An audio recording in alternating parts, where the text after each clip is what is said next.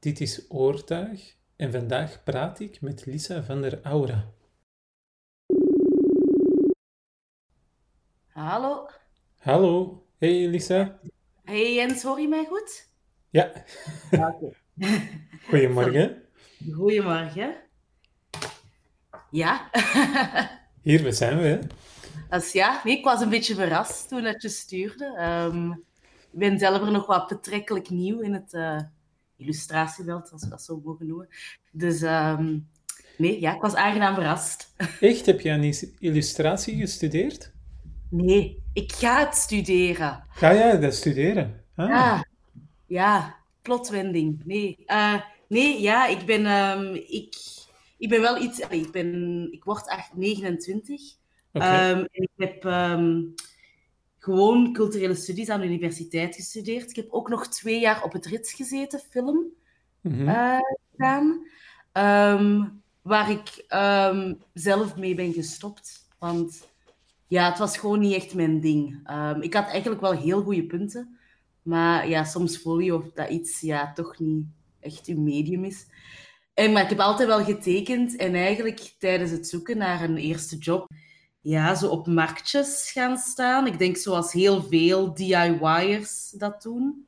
Of ja, zoals als ik dat woord in de mond mag nemen, zo Instagram-illustrators, illustrators, zo, die dat als vrije tijd doen. En dat is toen een beetje ja, uit de hand gelopen. En nu ben ik waar ik nu ben. Ehm, en ik heb inderdaad een maand geleden besloten om ja, het toch echt wel heel serieus te nemen. En op mijn 29ste ehm, terug te gaan studeren. En ik wou graag beeldverhaal in Sint-Lucas gaan studeren. Ehm, Wauw, tof. en met mijn werk er nog wel naast. Ik werk, ehm, ik doe origineel een administratieve job bij de KU Leuven, maar dat is ondertussen ook ehm, geëvolueerd naar meer een grafische communicatiejob. Dus Ja. ik ben er wel wat mee bezig. Zeg, en culturele studies, waarom heb je dat gedaan? Wat wou je eigenlijk worden? Of was het Ja, gewoon... oh, ik denk, ja, ehm, wat, ik, misschien was ik een van die, van die mensen die het niet wist wat ze wou worden. Ja, nee, eh, en ja, gewoon heb interesse in cultuur of zo. Ja, origineel, ik heb een bachelor in taal en letterkunde. Ehm, het is eigenlijk, ik, ik ben altijd wel, ik, op mijn achttiende ben ik wel effectief eh, naar de open deurdag van illustratie gegaan. Ik denk in Antwerpen dat dat toen was. Ehm, eh, als je soms wat gerammel hoort, dat is mijn kat, die eh, een Ah, beetje kei tof. Ja. de laatste tijd. Ehm, ik wou eigenlijk op mijn achttiende wel iets gaan doen ehm, in het tekenen, meer specifiek wel. Maar ik kwam eh, van Grieks-Latijn. Ehm, ik heb Grieks-Latijn gestudeerd. Van, misschien heb je het ooit op tv gezien van het Sint-Jozef College Turnhout. Dat is eh, een vrij elitaire, conservatieve school.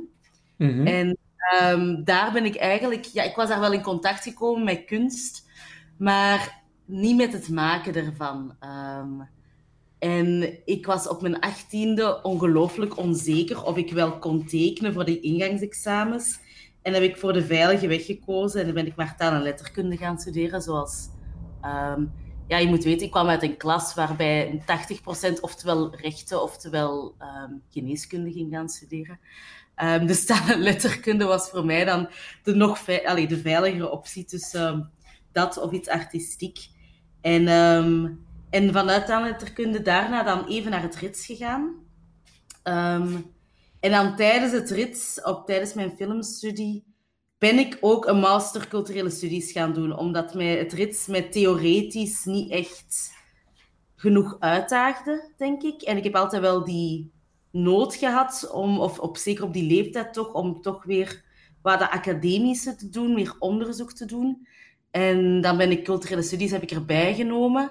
En dan ben ik tussen, allee, dan met het rits gestopt eigenlijk en culturele studies gewoon af, eh, afgemaakt. En ik vond dat wel een heel fijne studie. Ja, dat is, dat is een beetje cultuurfilosofie, hè. Ehm, bepaalde zaken in een cultuur ehm, onderzoeken en daarover filosoferen. En dat is heel breed. Ik heb, het, ik heb mij meer verdiept toen in graphic novels en ook in animatie. Ehm, dus het is altijd wel, die interesse is er altijd wel geweest. Maar ik heb me dan heel lang puur academisch erop gefocust. Maar toen begon, ik weet niet, het praktische of het tekenen toch wel iets te hard te kriebelen of zo. En dan heb ik het uiteindelijk... Ik heb het heel lang uitgesteld, altijd gedacht... Ik heb er de talenten niet voor, of ik kan het niet, of ik heb geen KSO gedaan of zo. En dan, eens je het te hard begint uit te stellen, dan kom je op een punt dat je het gewoon laat vallen. Tot nu, dan denk ik. En denk je, en denk je eigenlijk dat je nog ehm, illustratie moet studeren? Ehm, nee, het, het, is beeldverhaal specifiek dat ik wil doen. Hè.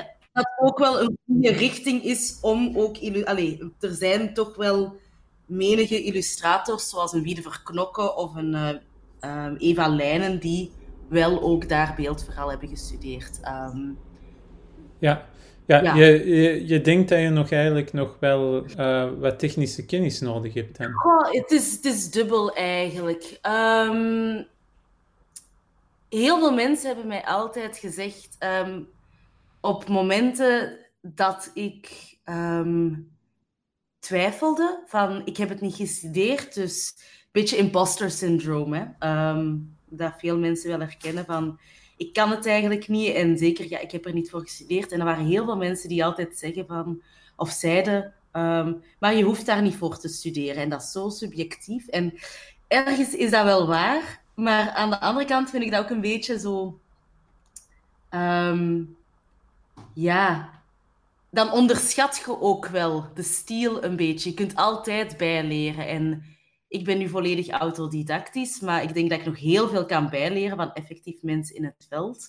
En dat ik ook wel besefte van hoe lang kan ik dit op mezelf als pure autodidact met enkel Instagram als tool en wat netwerken in combinatie met dan nog een job die ik heb.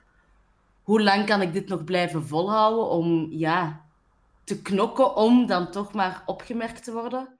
Of kan ik misschien gewoon in ehm, een twee à drie jaar, want het is een verkorte bachelor dat ik kan doen, um, misschien een soort van um, binnenweg nemen om... Om maar een voorbeeld te geven, de laatste tijd ben ik meer ja, aan het experimenteren, ook met mijn eigen stem te vinden. Ik heb heel lang dingen getekend met, op het, allee, met het oog op dat op likes op Instagram of met het oog op opdrachtgevers aan te trekken. Maar ik wil de laatste tijd toch meer mijn eigen ding doen. Um, meer, ja, om zo'n een woord te gebruiken, artistiek, dat klinkt dan zo heel... Alsof dat, dat beter is, hè? maar zo bedoel ik het niet. Vooral eigenlijk zelf experimenteren. En ja, ik kan dat dan maken op mezelf, op Instagram zwieren. En hopen dat mensen dat opmerken. En jullie hebben dat gedaan, waarvoor heel top. Heel top.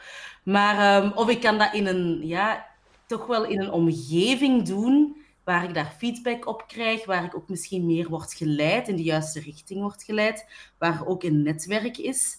Ja, je hebt ergens wel nood aan het netwerk of om een zwaar woord te gebruiken, een instituut. Um, het is een instituut dat de kunsten ook wel levend, allee, levend houdt of tot stand houdt. En daarom merk je ook hè, als een cultuurminister heel veel um, um, de geldkraan toedraait, waarom dat de cultuursector zo op zijn achterpoten staat. En als dan woorden worden gebruikt van ja, maar degenen die financieel gezond zijn, zullen het wel overleven, maar dat is niet hoe dat de cultuursector werkt. Um, er zijn gewoon zaken die gesubsidieerd moeten worden. Waarmee ik niet wil zeggen dat ik gesubsidieerd moet worden, maar dat cultuurveld, dat instituut, is, het is wel een instituut dat ja. Ik denk dat mensen, mensen niet um, uh, doorhebben dat je ook de, de boeren worden gesubsidieerd. Mm De sport wordt gesubsidieerd. Eigenlijk wordt er kei veel gesubsidieerd. Heel veel gesubsidieerd. En um, dat, we zouden eigenlijk geen groenten van boeren van het veld kunnen krijgen als dat niet gesubsidieerd was. De meesten denken zo van, ja, maar waarom moeten kunsten gesubsidieerd worden? Um, dat is gewoon omdat mensen eigenlijk um, niet weten hoeveel dat, dat een kunst kost. Dus ja, heel veel zaken die ook gewoon daar reden voor is om gesubsidieerd te worden. Maar um, ja, en het is eigenlijk daarom dat ik merk van ja. Um, om even terug te komen waarom ik ja. het ga studeren. Ja, om eigenlijk in die wereld. Ik denk, daarmee wil ik absoluut niet zeggen dat je het moet gestudeerd hebben. Maar ik denk op, voor mijn situatie nu, ook omdat ik al werk.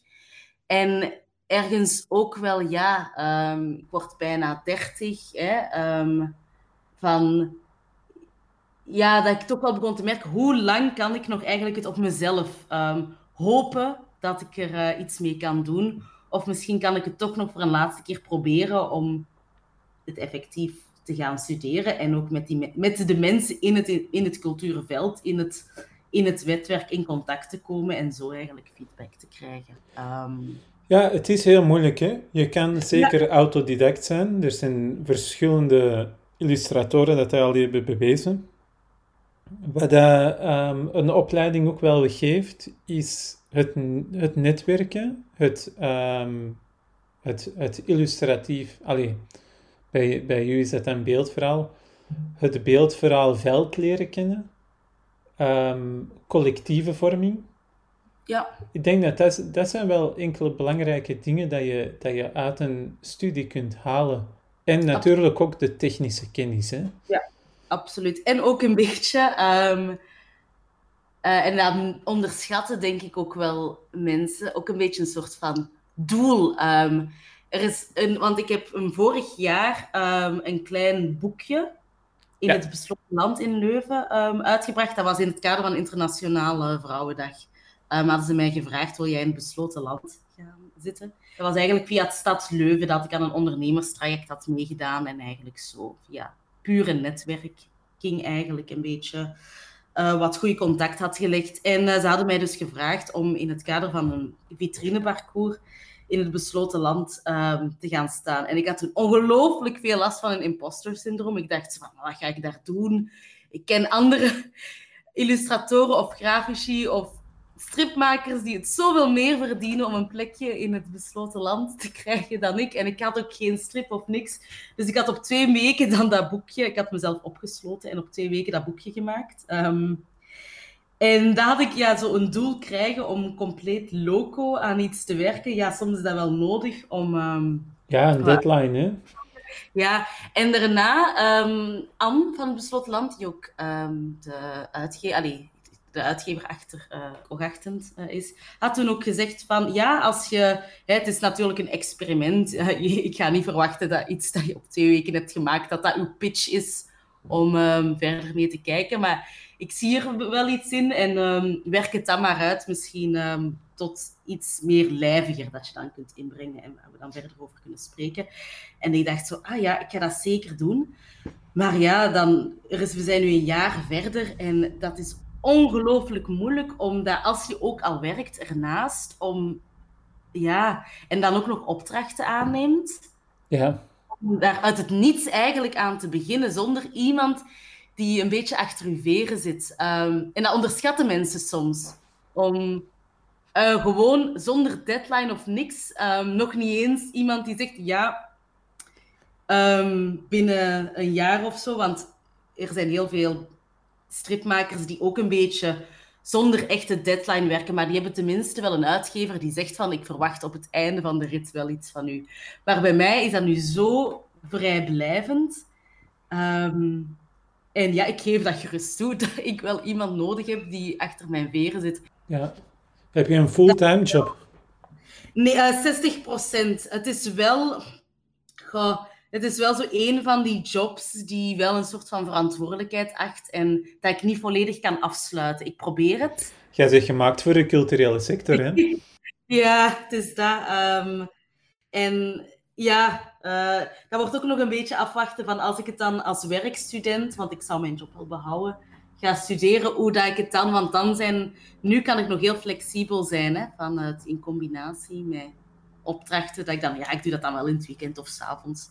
Uh, maar als ik effectief lessen moet volgen, wordt dat iets uh, moeilijker. Terwijl ik dat flexibel werken wel heel graag, dat is een beetje ja, hoe ik ineen zit. Um, ja, het probleem, probleem ook een beetje is met het um, verdienen als illustrator, is het probleem de, de gigantische concurrentie of Ongelooflijk, ja. een, een, gigantische markt van illustratoren waardoor dat mensen kunnen kiezen. Um, en dan is het al fijn dat ze voor jou gekozen hebben. Ja. Maar dan begint de onderhandeling van prijs. Ja. Um, Saul ja. Bas, uh, grafisch ontwerper Saul Bas, heeft ooit gezegd van ehm, de verliespost bij ons job, en zal best doe wel grafisch ontwerp, maar die zei, de verliespost bij ons is dat wij het mooi willen maken. Ja. De klant wil gewoon dat de opdracht af is, maar wij willen dat die mooi is en esthetisch mooi naar ons toe. Ehm, dat wij eigenlijk enkele uren langer eraan werken die dan niet betaald worden. Die dat de opdrachtgever niet betaalt. Ja, dat is de nagel op de kop. Hè. Ik denk, we zitten, ik, we zitten ook altijd een beetje in een spreidstand tussen. ehm, want dan eh, kunnen mensen natuurlijk zeggen: ja, maar je, je hoeft het niet zo mooi, je hoeft niet zo perfectionistisch te zijn. Maar elke opdracht dat wij afleveren, dat een beetje in het publieke oog komt, is ook een beetje ons eigen portfolio. Mhm. Dus ja, je wilt ook dat dat helemaal perfect is. En ook als het gaat ook over een beetje ja, ehm, wat afwijken van uw eigen stijl of van uw eigen visie. Je kunt dat in zekere mate doen, maar langs de andere kant eh, moet je ook er wel voor zorgen dat je nog steeds wel herkenbaar blijft. Wat dat veel niet doen, is ehm, elke wedstrijd dat online komt meedoen. Allee, en dat betekent wel de faire wedstrijden, de eerlijke wedstrijden. Ehm, en ook gewoon aanschrijven. Bij Tuig krijgen wij ook soms dat er mensen zich spontaan aanschrijven voor, ehm, voor in de krant te staan of hoe werkt dit. Er zijn er gewoon veel die dat, eh, ja, die dat, die dat echt ehm, netwerken online. Ja, en ja, kun je daar kwaad op zijn? Niet echt, Nee, hè? Een nee, beetje, zo moet het eigenlijk, hè? dat moet het, hè? Ehm, dat is, op dat vlak, dat is met alles zo, hè? Ehm, ja, Maar het kan wel zijn dat een studie je zekerder maakt, hè? Zeker, ja, ja, ja. En ook gewoon ehm, ietsje meer, eh, als het ook over prijsbepaling gaat, ook wat meer, dat je wat meer op je strepen gaat staan. Ik heb ook al wel gehoord dat zo, het voornamelijk mannen zijn die dat zo'n dingen durven. ja, dat is eh, een beetje, ja, dat is overal eh, een beetje het feit dat je als vrouw het enerzijds ja, niet durft, of als je het dan doet, eh, een beetje wordt weggezet als eh veel eisend. Ja, mijn werk gaat daar ook een beetje over, over gender. Ik ben zelf ook op dat vlak wel mannelijker ingesteld. Ehm, en iets assertiever. Maar ik denk wel, als ik het zeker ook bij andere vrouwelijke collega's hoor, dat dat ergens wel zeker ehm, het geval is. Maar je hebt ook verschillende vormen tegenwoordig ook van op een podium staan. Ik denk langs de andere kant, als het dan gaat over ehm, Instagram of zo, dat je daar dan weer heel veel vrouwen hebt die ehm, op een andere manier, niet zozeer op een podium staan, maar op het, echt het beheren van sociale media en het, ehm, het maken van een community daar ook wel heel goed in zijn. Of misschien ben ik daar helemaal verkeerd in. Ehm, Ja, ik denk ook wel dat het... aan Moutot of aan een Floor de Nil. Hè? Ehm, Floor de Nil, ook iemand die het niet heeft gestudeerd en onlangs toch wel mooi een graphic novel op de markt heeft gebracht. Door cartoons op Instagram. Ehm, Ja, ja, ja. een een eh, Krostin, een, minder illustratie, maar even grappig, Karen François. Ehm, ik denk dat vrouwen tegenwoordig op een heel andere manier wel ook hun podium opeisen. Ehm, en op een, ja, terwijl vroeger ehm, de manier meer het, ja, de hardste roeper of zo het was, is het nu, ja, zeker met sociale media, ja, community ook heel belangrijk. En ik zie dat daar ook heel, heel veel vrouwelijke cartoonistes, vooral cartoonistes, ook, ook wel heel goed in zijn, in dat op te bouwen.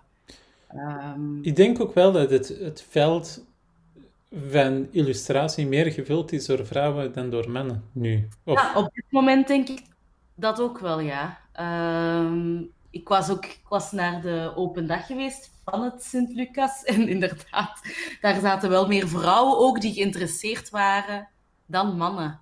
Eh, en waarom zou dat zijn? ja, ik, dat is bij veel, dat is in de hele culturele, ik, bij taal en letterkunde of bij heel veel, in het rits ook, hè, in het, ehm, bij de filmstudie was dat ook zo. Ehm, ik denk in het algemeen dat ja, vrouwen wel een opmars. Men ziet dat ook bij academische studies ook, dat vrouwen een opmars ehm, zijn begonnen, of zeker mijn generatie ook. Mm dat gaat ook een beetje samen met het hele discussie dat tegelijkertijd in het secundaire school heel veel jongens een beetje achterop haken. Um, ik weet niet of dat je daar al van hebt gehoord, omdat het onderwijsveld vervrouwelijkt, waardoor um, vrouwen eventueel ja, um, meer kansen zouden krijgen of zo. Daar zijn heel veel studies naar. Ik denk dat op, deze, op dit uurtje dat we het helemaal niet kunnen uittypen. Nee, nee, nee. Dat is ook, dat is ook gewoon heel moeilijk. Wij zijn geen wetenschappers erin. Dat is heel moeilijk om dat, daar juist te zeggen. De theorie verdiept. Uh, dus ik weet hoe lang dat we hierover kunnen. Er zijn heel veel...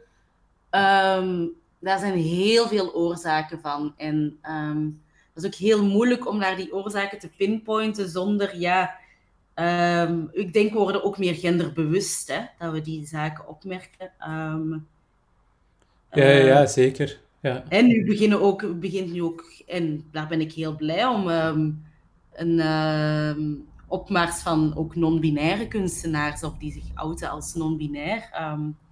dus ik, ja... Zeker, ja. Het is, het is heel belangrijk. Uh, hoe werk jij? Jij werkt handmatig? Ja, ik werk handmatig. Um, ik hou heel erg van aquarel. Um, omwille van ja, onvoorstelbaar, onvoorspelbaar karakter dat het wel heeft. Um, en uh, dan scan ik dat in en dan bewerk ik dat digitaal ja, om het kort te zeggen zo. De laatste tijd ehm, werk ik wel liever wat agressiever. In de zin van dat ik niet te veel meer op voorhand schets. Of dat ik als ik ergens voel van hier moet een dikke rode Posca-streep komen, dat ik dat gewoon doe.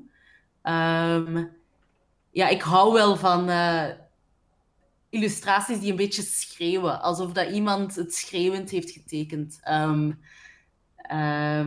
ik heb dat zo, ik heb de laatste tijd met Posca-stiften figuurtjes gemaakt van die gezichtjes. Ik denk dat jullie dat ook hadden opgemerkt. Ja. Daar was ik, uh, was ik heel hard fan van. Uh, ja. Ja, um, ja. Dat, dat, voor, in mijn ogen is dat niet schreeuwerig, maar uh, uit enkele vlekken een, ja, uit enkele vlekken en een karakter kunnen maken. Hè? Ja, niet echt schreeuwerig, maar gewoon van... Ja, echt gelijk een kind het doet, een beetje.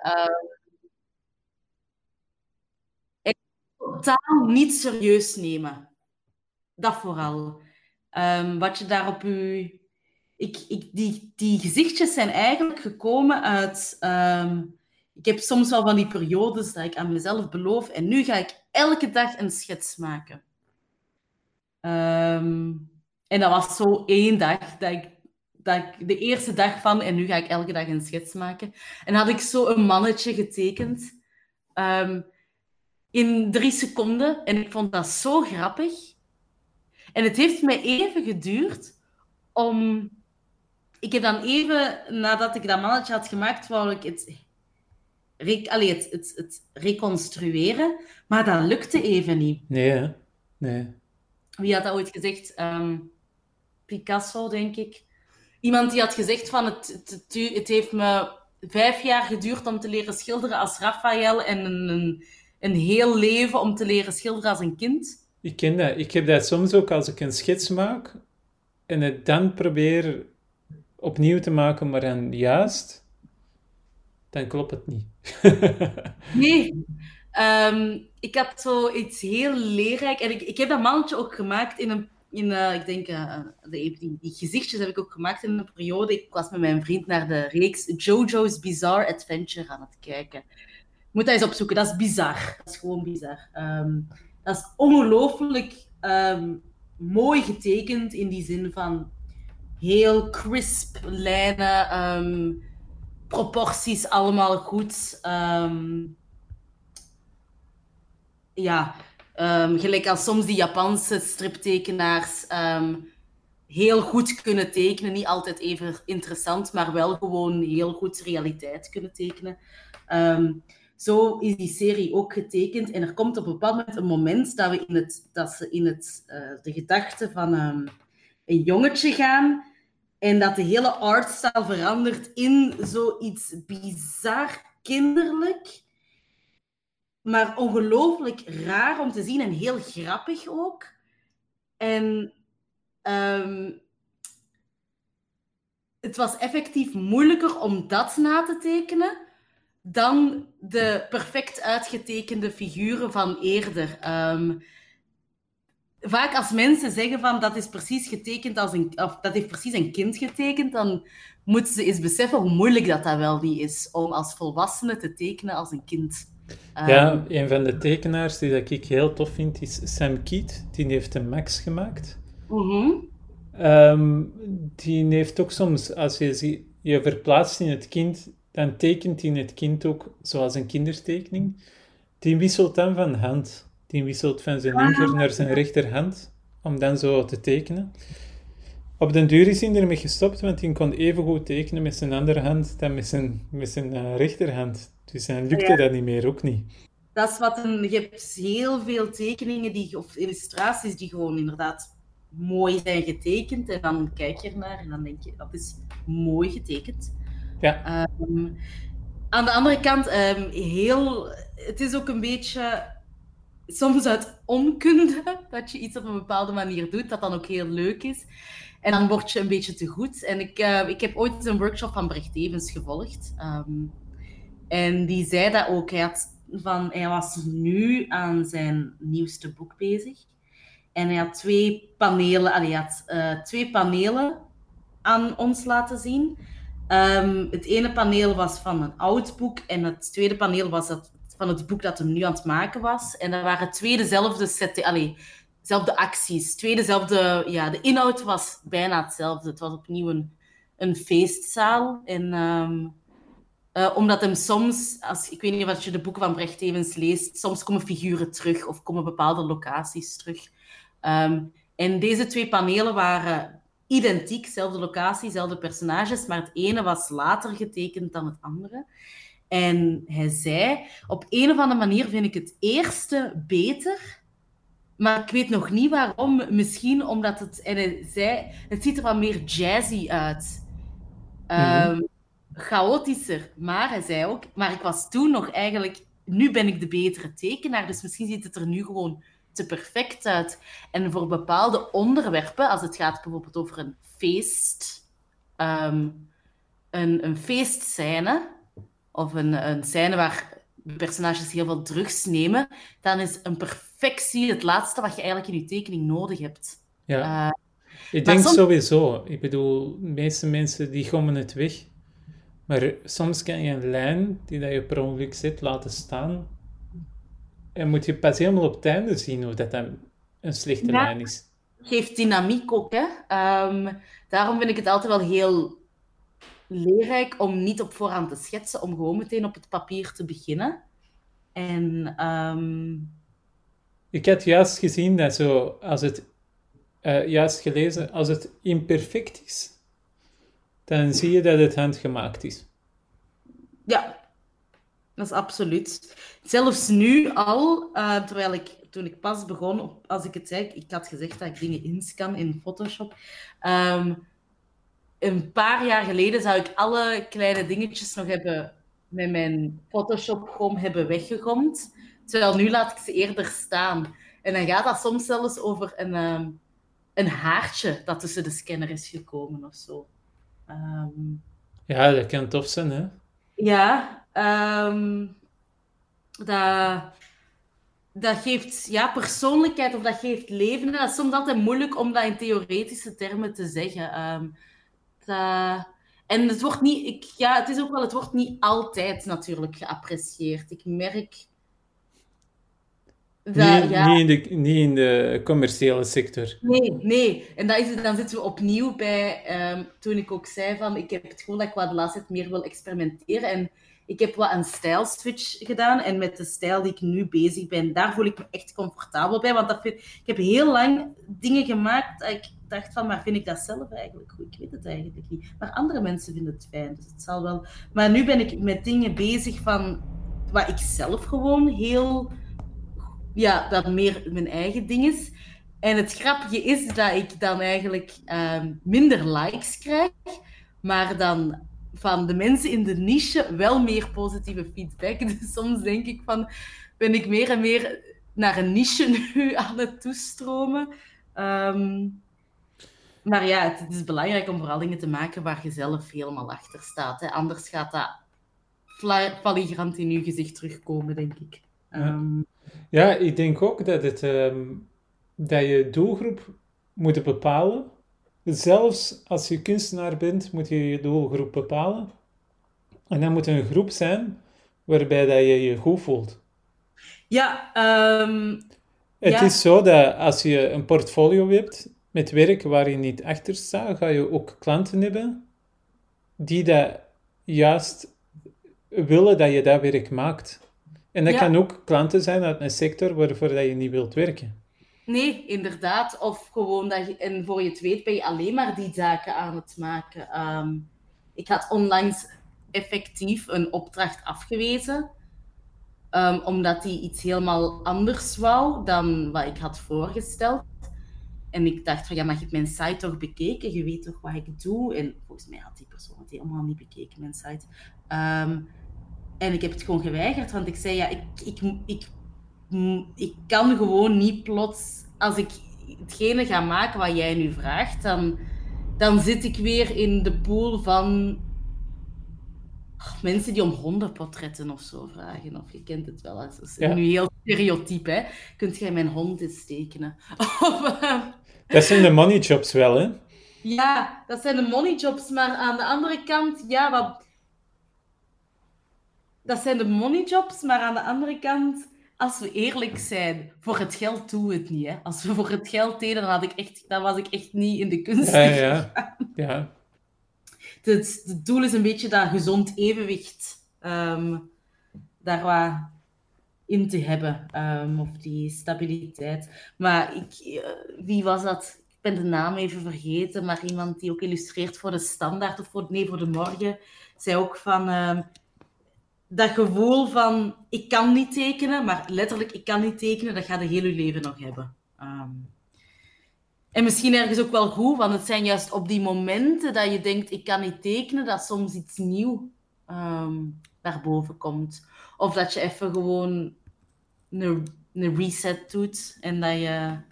Dat is het toffe eigenlijk, hè, van de, van de job. Is, het, het is nooit... Het is de, de, de weg... Het is niet van een berg opklimmen of zo. En daar is het doel. Het is altijd heel onvoorspelbaar. En, ehm, Ja, ja de, het is, het is, je blijft veranderen, maar je blijft zelfs niet technisch veranderen, maar ook emotioneel. Hè? Het verhaal mhm. dat je wilt vertellen, is dan verteld. En dan krijg je nieuwe dingen om over te vertellen. Ja, het is dat. En soms dingen hangen ook heel hard samen. Hè. Ik vind het um, ergens soms een beetje spijtig van... Ik weet, Um, mijn kleine graphic novel had ik gemaakt in, in coronaperiode. Um, ik woonde alleen. Ik was toen ook nog single en ik had het even, even helemaal gehad. Iets te hard in mijn kop.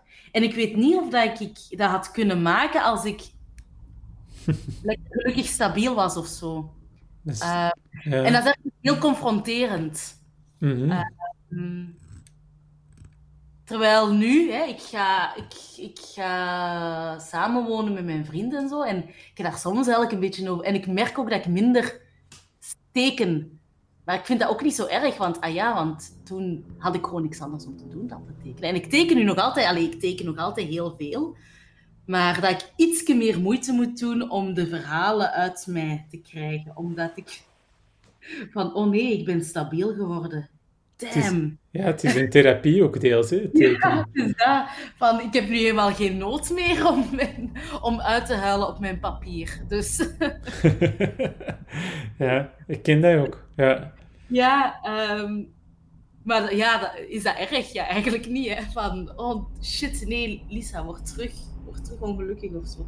Um, uh, maar ja, dan, zijn, dan vind je wel andere manieren. Hè. Um, en soms denk ik dat ik dan ook weer helderder of zo Ja, dan kan je wel beter zo plannen en, denk Ja, ik, en iets af, afwerken. Ik denk dat het therapeutisch tekenen, dat dat meer zo eh, Dat is het, experimenteren en zo is. het, moet, het moet eruit. En Ja. soms, wat je dan wel hebt, is dat is, iets is heel rauw dan. Maar ik, ik, ik ben heel blij dat dat boekje dat ik heb gemaakt, dat dat toen ook wel echt is gekaderd als dit is een experiment. En ik ben heel blij dat ik dat heb gemaakt.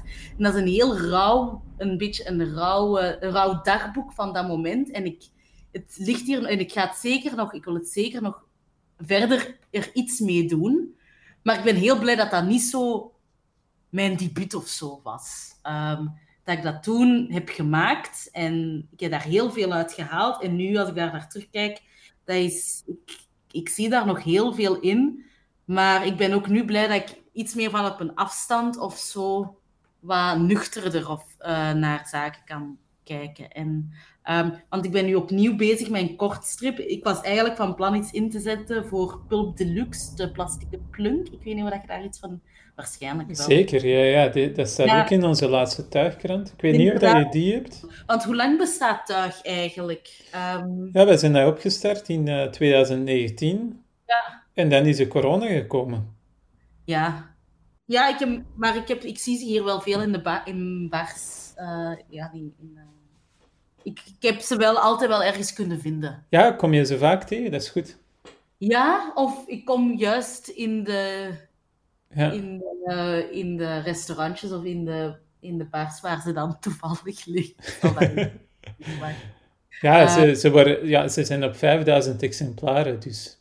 Ehm, nu kan ik pluggen dat wij 3 juli een, ehm, een markt gaan houden, eh, waar dat iedereen mag voor inzenden. Wij gaan wel selecteren, omdat we beperkte plaatsen hebben, maar wel enorm veel. Ik denk dat wij 50 plekken gaan hebben.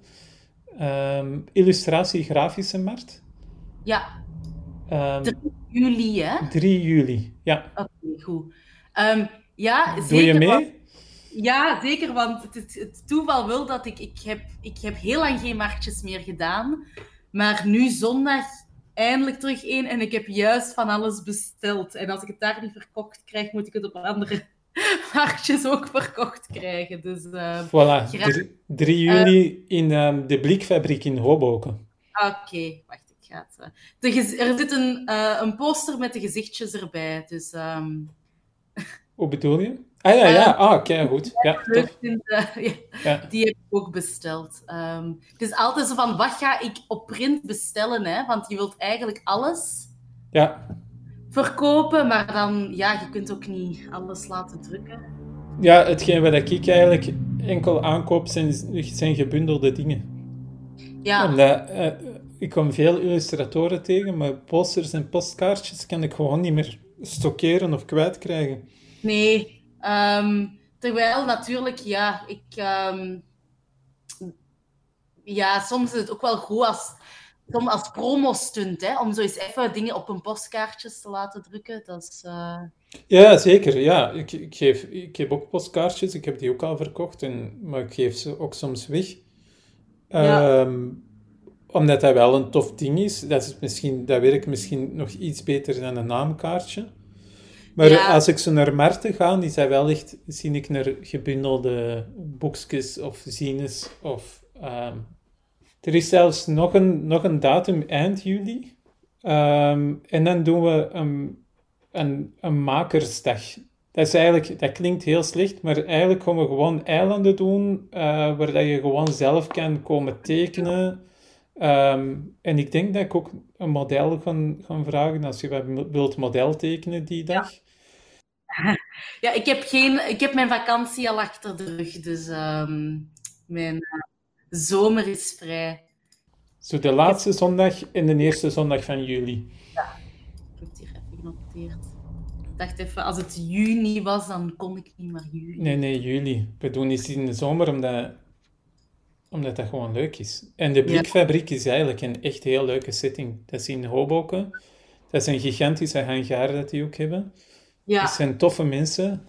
Ehm, er is een bar eh, buiten in de zon. Dus als je, als je met twee komt, dan kun je soms eens even naar de, naar de bar ontsnappen. ja, ik doe dat meestal met marktjes. Dat zijn, oh, ik, doe dat altijd toch wel met twee of soms met vieren of zo. Dat is, altijd wel, dat is gewoon een leuk dagje. Het is inderdaad wel goed dat je aan die community ehm, Ja, vooral ook bijvoorbeeld voor iemand als ik, hè, van compleet autodidactisch. En ik, wilde la en ik merkte de laatste tijd dat ik meer wat serieuzer, artistieker bezig wou zijn. En dan is opgemerkt worden door iemand als jullie wel een, eh, een grote stap voorwaarts. Ehm, ja wij, krijgen, wij krijgen ook veel... Allee, wij krijgen voldoende inzendingen binnen. En een deel daarvan moeten we zeggen, je kan er niet in staan, maar eigenlijk ben je goed genoeg. Dat is een Ja. hele moeilijke nog altijd met tuig. dat snap ik wel. Ehm, maar ja, dat is... Het is, het is zoals je daar straks zei, langs de ene kant wil je iedereen kansen geven, maar aan, aan de andere kant besef je ook een beetje tegen je zin dat het soms uit dat er gewoon ook een beetje oversaturatie soms is. Ja. Ehm, en dat is een beetje ook gewoon de realiteit. Ja, ja, zeker. Ehm, we kunnen altijd zeggen, en we moeten meer gewaardeerd worden en we moeten meer platform hebben. En dat is absoluut waar. Maar ik denk, we moeten gericht platform geven. Maar we kunnen niet zomaar zeggen, en, en iedereen. ehm, want mochten jullie nu iedereen in jullie krant zetten die iets instuurt, dat zou ook niet goed zijn. Want dan verlies je ook weer ergens die... Het platform zijnde. Ehm, Ik heb het al wel gedacht, hè. Een expo te doen zonder, zonder selectie. Maar dat is misschien nog iets voor de toekomst. Ja, of misschien in een speciale editie of zo. Maar zelfs eh, mijn, in mijn hoofd, maar eh, die zegt iets voor de toekomst, is een expo ehm, rond katten. En echt iedereen kan insturen. Zelfs als je geen kunstenaar bent, maar een foto van je kat insturen. En dat, is, dat zou dan een, een tentoonstelling worden. Dat is zo zalig. Soms, soms zijn de banale dingen des levens nog eigenlijk het beste. Ja, want dat is, allee, ja, dat is gewoon leuk. Ik denk ook dat de tuigkrant zo is begonnen met iets leuk te maken. En eigenlijk, allee, wij verdienen er niks aan. Hè. Het is echt vrijwilligerswerk. En als zo'n project heel leuk aanvoelt, dan je steekt er veel energie in, maar dat, is, ehm, dat krijg je gewoon terug in, in je gevoel. Dat is hetzelfde met dit. Ja, en, maar uiteindelijk daar is het ook voor ons allemaal mee begonnen. Hè? Ehm, iedereen die tekent of illustreert of met kunst bezig is, is allemaal begonnen vanuit een dingen, iets doen dat je graag doet. En bij ons is het dan op zo'n punt gekomen dat, het, ja, dat we er niet meer mee willen stoppen. Zit dat in jouw werk, ehm, in jouw illustratiewerk, Ehm, de thema's waarover dat je nu babbelt? Of is er iets dat er buiten moet blijven? Ik. eh, poe, poe, poe, poe, poe, poe, poe. Ik. ehm, soms denk ik van ja, over wat, over wat maak ik nu zaken? Ehm, ik, over alles eigenlijk. Eh, ik ben gewoon in zoveel geïnteresseerd.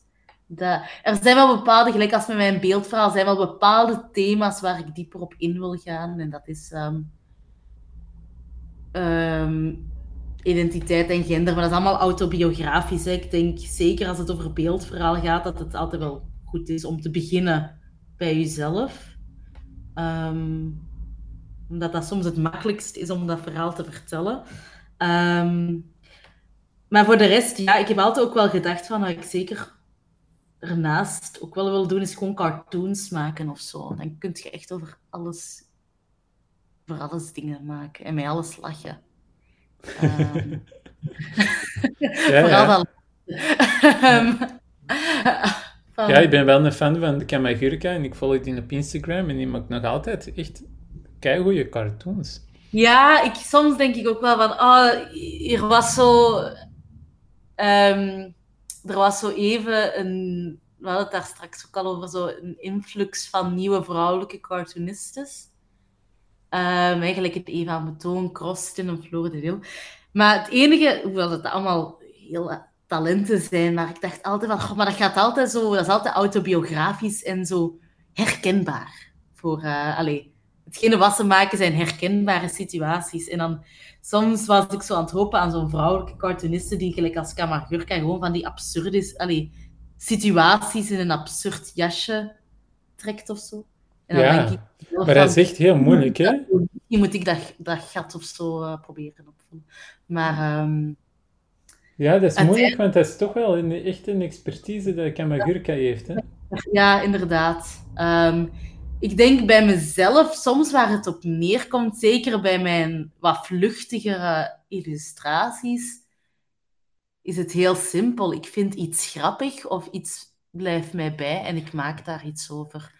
En op een bepaald moment hoop ik dan, als ik genoeg heb gemaakt, dat ik het kan bundelen en dat ik er ergens dan een rode, een rode draad in hoop te vinden of zo. Ja. Ja, het is altijd ook wel een beetje zoeken, maar inderdaad, ik ben ook wel de laatste tijd afgestapt van ehm, alles in één werk te willen gezegd te hebben um, en maar meer te focussen op. in kortstrip dat ik nu mee bezig ben, van ah ja, ik wil het hierover hebben. Ehm, en dan daarnaast wat cartoons maken en zo. ik heb altijd, ja, ik heb voor zoveel boekjes liggen, vol met teksten, dagboeken, zinnen die ik ehm, zie op straatbeeld of in, uh, gelijk als sommige mensen foto's nemen, schrijf ik vaak zinnen op van mensen die zeggen of die ik zie op het straatbeeld en die mij dan blij blijven. En zo heb ik schriftjes die vol zitten. Ehm, ja, ik wou nog vragen achter uw werkplek en zo, maar alles is ingepakt in dozen? Nee, nog niet. Dus als het laatste wat gaat ingepakt worden. Oké, dus jij zit nu op je, in, je, op, bij je, in je werkplek? Um, ja, dus eigenlijk, ik, mijn huidige appartement is ook mijn atelier. Dus twee bureaus, één met mijn uh, computer en één met mijn... Ik heb zo'n tafel, e alleen een ezel die je op een tafel kunt zetten. En zo... Um, en dat, dat, neemt eigenlijk de helft van mijn appartement in. Maar ik ga um, nu, waar ik ga wonen, ga ik een uh, atelierruimte hebben. En heb jij ook een rommelige bureau of uh, is die heel opgeruimd? Die is heel opgeruimd. Nu? Uh, Omdat je moet verhuizen? Altijd, altijd. altijd. Ik, uh, nee, ja, ik ben wel iemand die... Ik, mijn interieur is heel eclectisch, maar het moet wel ordelijk zijn. Um, dat heb ik van mijn moeder. Die is uh, een kleine OCD, dat gaat er nooit meer uit. Ah, oké. Ja, want uh, ik dacht dat dat niet bestond, mensen met ordelijke bureaus. Um...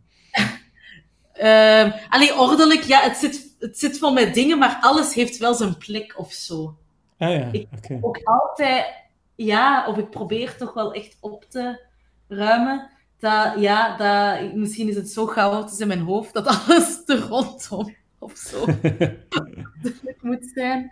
Um, ja, dat is echt... Um, mijn vriend kan soms zo de, of andere mensen er een spel van maken om iets te verplaatsen in mijn interieur. En ik heb dat meestal wel gezien. Zo erg is het soms. En um, uw boekenrik, hoe, heb je dat ook of niet? Uh, heb je een verzameling graphic novels? Ja, ik heb mijn interieur zijn mijn boeken eigenlijk. Dus het is, ja, nu zijn ze allemaal in dozen. Ik heb, uh, allez, ze zitten nog niet allemaal in dozen. Ik heb vijf verhuisdozen met boeken. Ja. Grote huisdozen met boeken, dus dat begint te tellen. En ook, ja, graphic novels, heel veel. Ehm, graphic novels is ook iets waar ik wel graag geld aan geef. Um, omdat die zijn vaak in beperkte oplagen. Dus die worden niet altijd voor een tweede druk. Um, of die worden niet altijd herdrukt. Dus dat koop ik dan ook meestal. En, uh, ja. En uh, heb je een aanrader voor mij? Ah, een aanrader. Um, onlangs wat ik heel goed vond was Vel. Vel?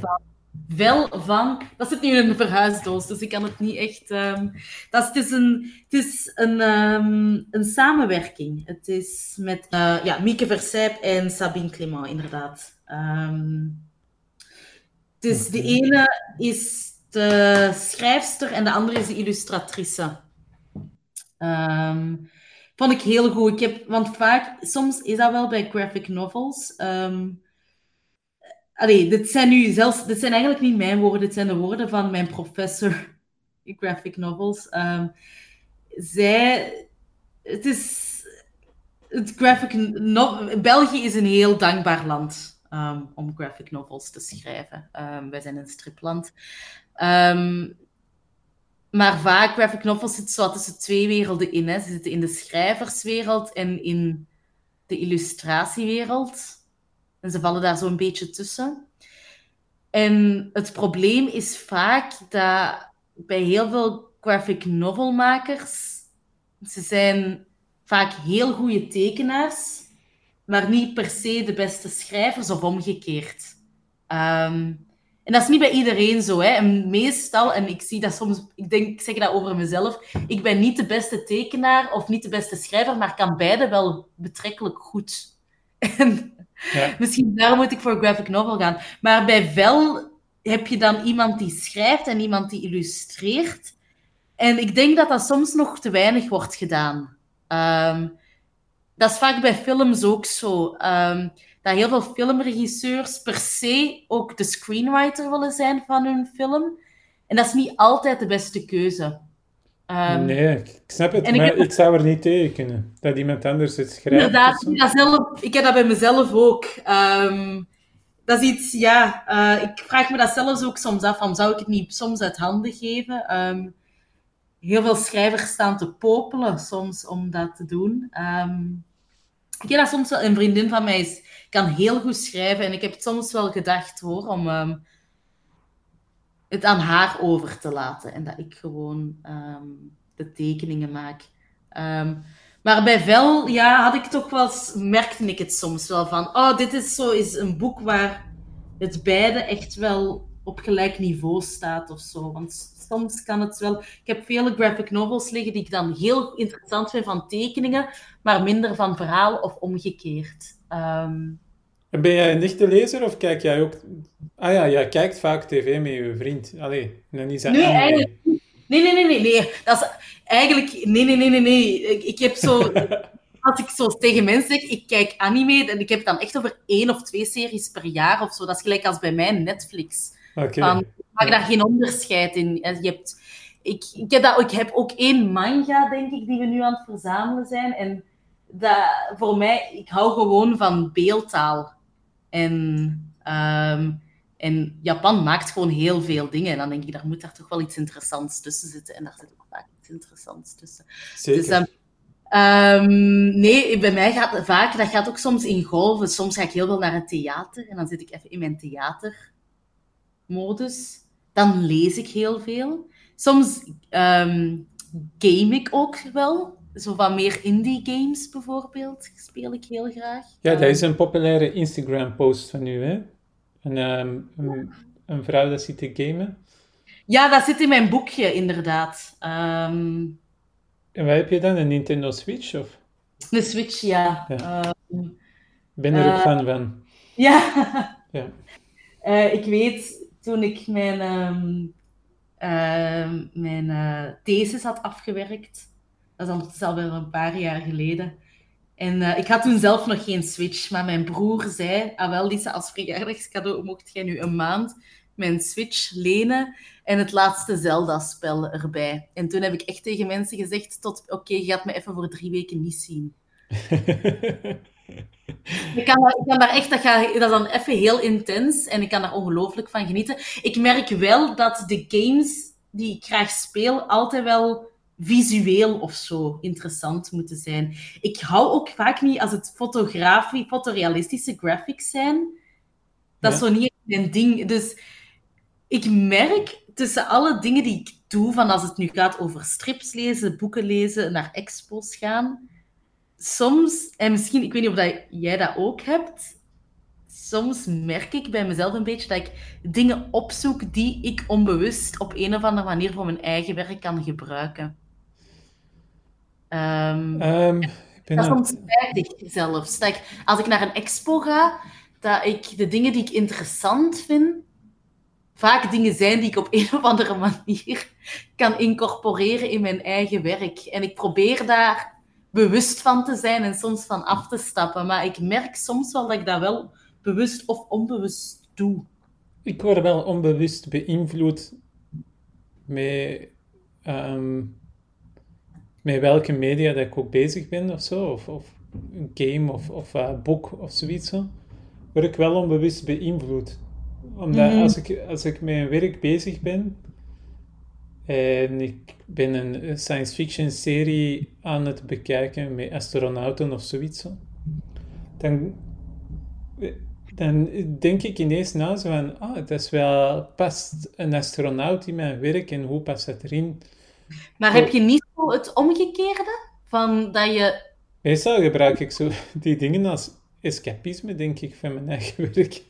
Ah, ja. Ik, Ja. ik heb niet zo vaak het omgekeerde, maar ja, ik, heb, ik zit wel, ja, eigenlijk deels wel, hè, maar eh, illustreren doe ik vaker voor Mhm. mijzelf dan, dan dat ik ermee naar buiten kom.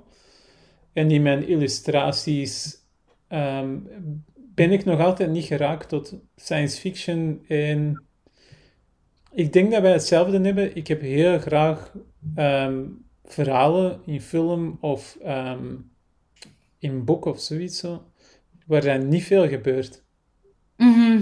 maar toch wel heel veel. Ja, ehm, Er is een boek van Joe Matt, eh, issue, een single issue van Joe Matt, waarmee dat hem afspreekt met twee andere schrijvers.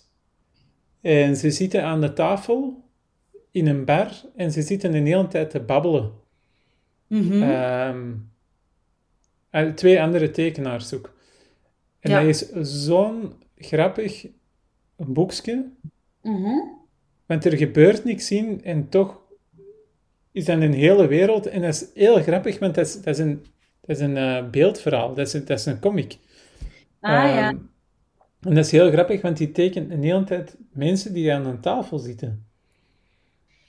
En Allee, ja. heeft niet nodig, hè? Nee. Maar ik, ik zoek het niet op, nee, Nee. deels niet. Ja, ik probeer soms wel, ik probeer soms ietsje meer, ehm, het wat meer op mij te laten afkomen. Ik merk het vaak wel dat mijn vriend soms vraagt, ah, gaan we deze serie kijken? En dat ik dat dan zeg, nee, het- dat is niet echt mijn ding. En dat ik soms achteraf denk van, is het niet mijn ding? Omdat ik het gewoon, ja... Goh, ik ben opgegroeid met de Spider-Man comics, hè. Dus eigenlijk dat ik, dat ik ooit ehm Spiegelman ben beginnen lezen en Chris Ware, is gewoon ook door mijn opleiding. Ja, Maar ik eh, omarm het commerciële ook wel deels. ja, ik denk, want ik heb zo via mijn vader, dan had hij dan Kuifje, hij had ook wel veel Torgal. Ja, Maar dat ik het echt wel zelf op een meer serieuzer manier ben geïnteresseerd in geraakt, was met eh, Persepolis van Marianne Satrapi. Een fantastisch boek, hè. Ook een van de eerste vrouwen ook echt, hè, die ehm, een beetje dat glazen plafond toen had, eh, had doorbroken. Allee, dat zijn de woorden van Judith van Istendaal. eh, dat is ooit. Als ik naar een van de eerste vrouwen dat ik heb leren ontdekken, ehm, die dat over zichzelf, dan is dat Julie Doucet.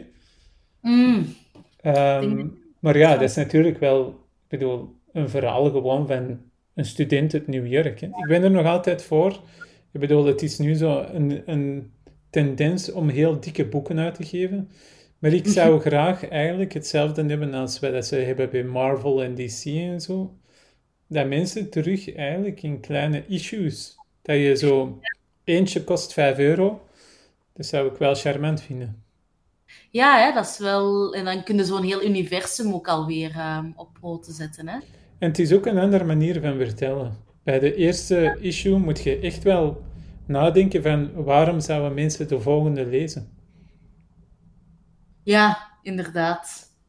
Eh, ja, je kunt op verschillende manieren, hè. Of je doet altijd kleine kortverhaaltjes, of je doet ehm, Ja. een, echte, een echte reeks. Kleine kortverhaaltjes, die kunnen meer bij anderen.